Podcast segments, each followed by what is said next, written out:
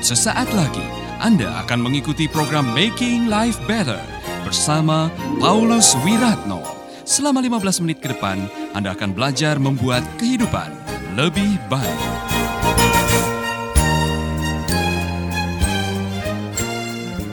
Salam Bapak Ibu Saudara. Saya kasih salam dulu paling jauh dari Mentawai yang mendengarkan lewat Nets FM yang saat ini sedang bergabung. Demikian juga radio-radio yang lain yang saat ini menyiarkan bersama mulai dari Sorong, eh, mungkin dari Alor, Soe, Sumba, saudara-saudara dari radio-radio yang lain yang ikut live dan juga saudara-saudara yang saat ini mengikuti uh, live streaming. Saya menyapa saudara, good morning, selamat pagi. Pagi hari ini kita akan diberkati. Dan saudara-saudara, topik yang saya bawakan masih melanjutkan uh, kitab kejadian. Jadi seperti saya janjikan, saya akan membahas dari pasal ke pasal. Dan ternyata setiap pasal itu ada tambang emas, kalau boleh saya katakan, kebenaran-kebenaran yang bisa memberikan kekuatan yang luar biasa kepada kita. Itulah sebabnya saya mau mengajak saudara sekarang membuka di dalam kitab kejadian pasal yang ke-25. Kejadian pasal yang ke-25. Kita akan belajar mengenai arti kata diberkati. Nah, sebelum kita membahas ke sana, saya mau tanya kepada saudara semuanya, baik yang ada di studio maupun yang ada di rumah, kalau mendengar kata saya diberkati, apa yang ada di benak saudara? Ya. Tenang. Oh, dia diberkati. Apa coba? Oh, dia orangnya diberkati. Menurut saudara kalau ada kata dia diberkati itu artinya apa? Dapat uang. Yang lain? Berhasil. Terus? Saudara-saudara, kata berkat ini adalah kata yang banyak disalah mengerti oleh orang Kristen. Ada yang mengatakan, oh saya diberkati, hidup yang diberkati berarti tidak pernah sakit, selalu kelimpahan, semua jalan lancar, tidak ada kesulitan, tidak ada masalah. Itu konsep yang dulu saya pernah dengar, diberkati. Orang yang diberkati tidak pernah sakit hidup kaya raya. Saudara-saudara, ternyata waktu saya membaca Kejadian pasal 25 saya menemukan arti diberkati berbeda dengan apa yang selama ini saya pahami. Dan saya mau meluruskan pandangan yang salah selama ini yang mungkin juga pernah Anda miliki karena saya pernah mendengar ada orang Kristen yang mengatakan begini. Dulu sebelum saya percaya Yesus, hidup saya itu kelimpahan. Jarang sakit, rezeki lancar, rumah tangga jalan dengan baik Kok setelah saya percaya Yesus saya malah kesulitan secara ekonomi? Banyak percekcokan, kemudian saya sakit-sakitan. Apa ini artinya? Saya diberkati jadi milik Yesus. Saudara-saudara yang mungkin pernah mengajukan pertanyaan yang sama, saya mau mengajak saudara membuka kejadian pasal 25 ayat 11. Ini kalimat pembuka yang mengatakan begini, setelah Abraham meninggal. Ada kalimat apa di situ? Allah memberkati Ishak, anak Abraham.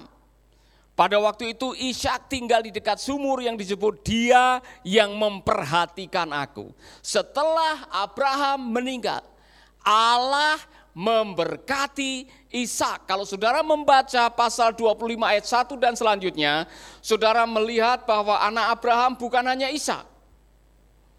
Ada Ismail yang lahir dari Hagar.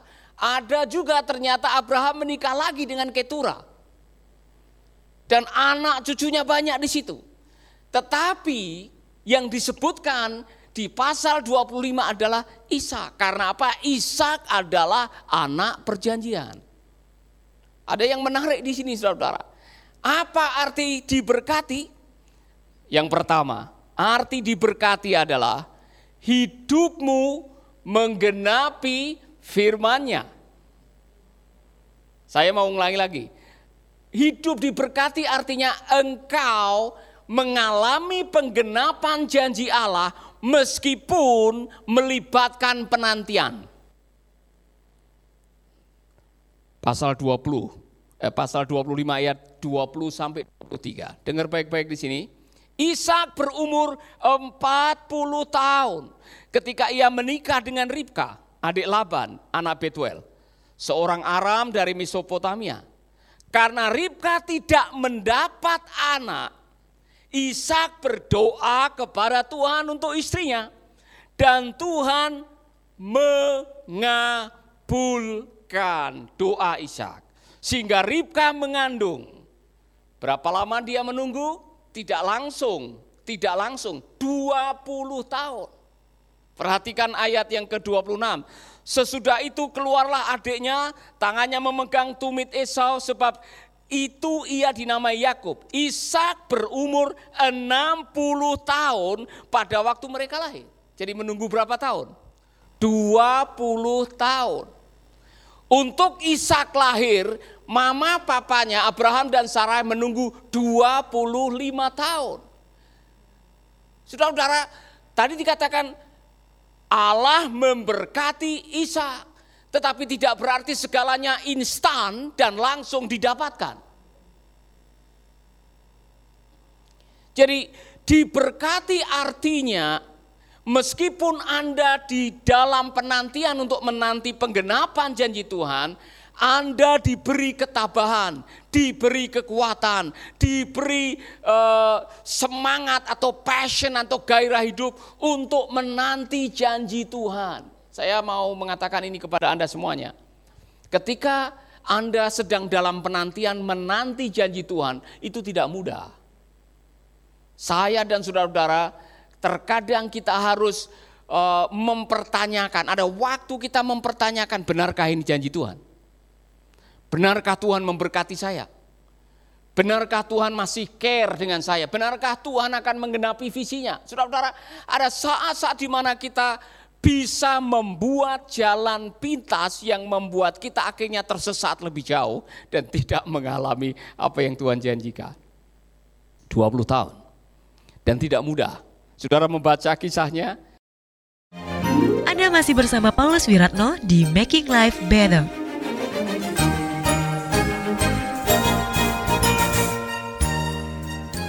Ribka pernah mempertanyakan kalau begini caranya karena rupanya dia mengandung bayi kembar. Dan menurut tradisi bayinya itu di dalam perut sudah berkelut. Ya kan tendang-tendangan, begitu main tinju.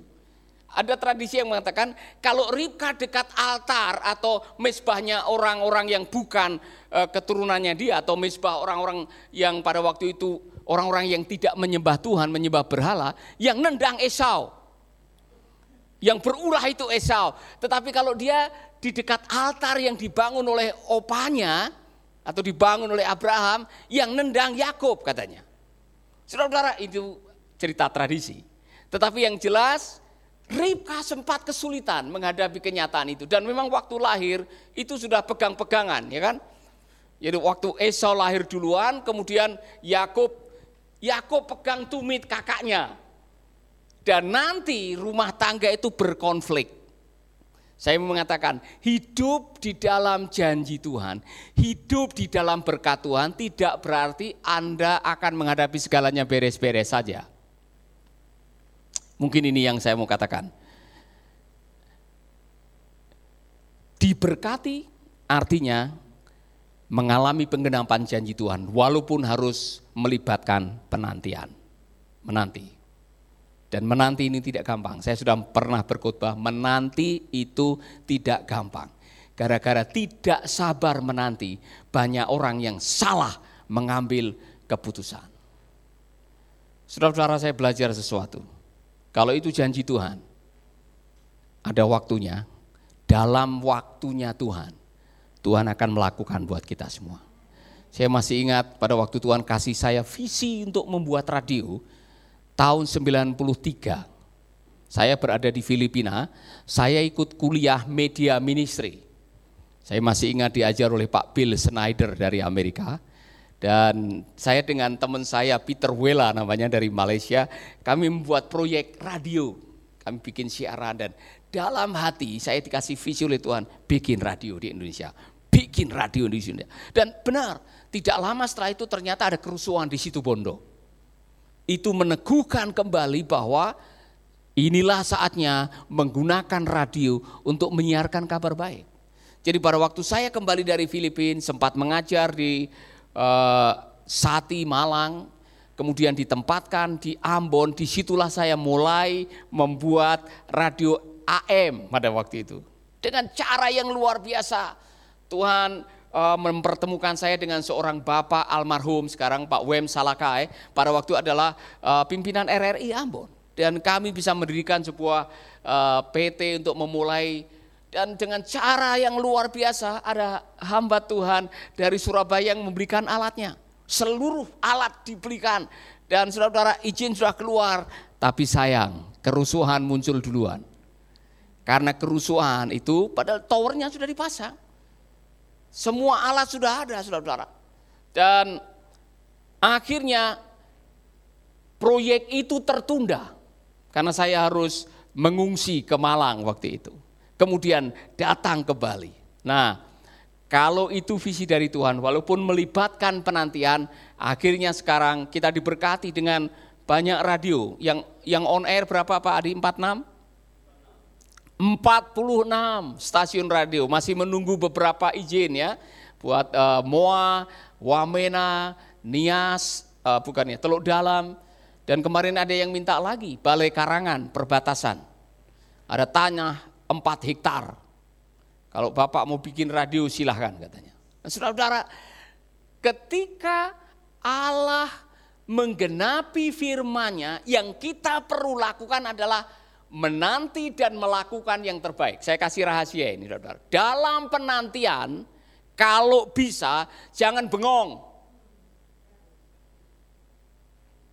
Kalau Anda diizinkan Tuhan untuk menanti, Do your best and God will do the rest. Lakukan sesuatu.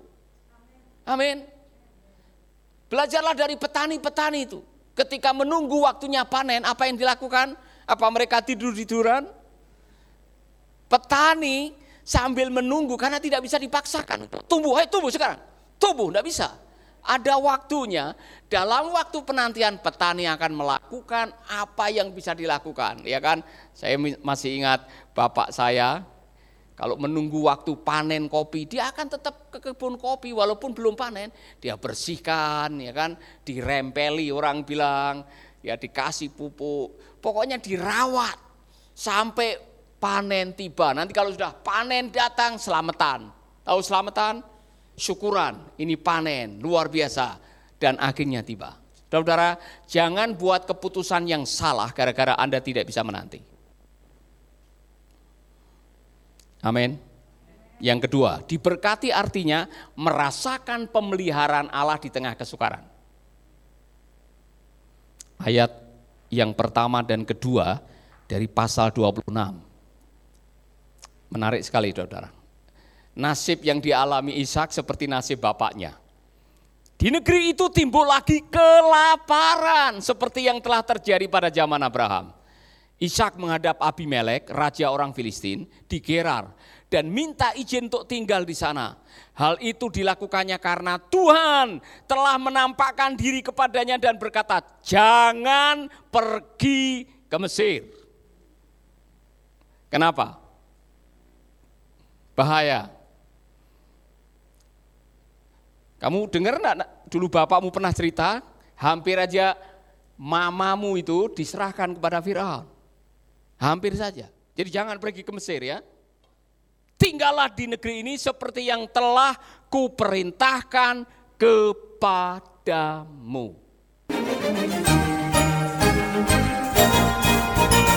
Sahabat, Anda baru saja mendengarkan Making Life Better bersama Paulus Wiratno. Jika Anda diberkati, kirimkan kesaksian Anda ke Radio Dian Mandiri, Jalan Intan LC2, Gang 4 Nomor 1, Denpasar, Bali. Kunjungi website kami di pauluswiratno.com, Facebook Paulus Wiratno. Hubungi kami di 0811 3901 144 dan 0811 3901 140. Sekali lagi 0811 3901 144 dan 0811 3901 140. Anda juga bisa mendengarkan program Making Life Better ini melalui handphone Anda. Download aplikasinya di Play Store atau App Store. Sahabat, mari dukung program Making Life Better ini melalui rekening BCA 6690300525. Sekali lagi, rekening BCA 6690300525 atas nama Wiratno. Terima kasih, Tuhan Yesus memberkati.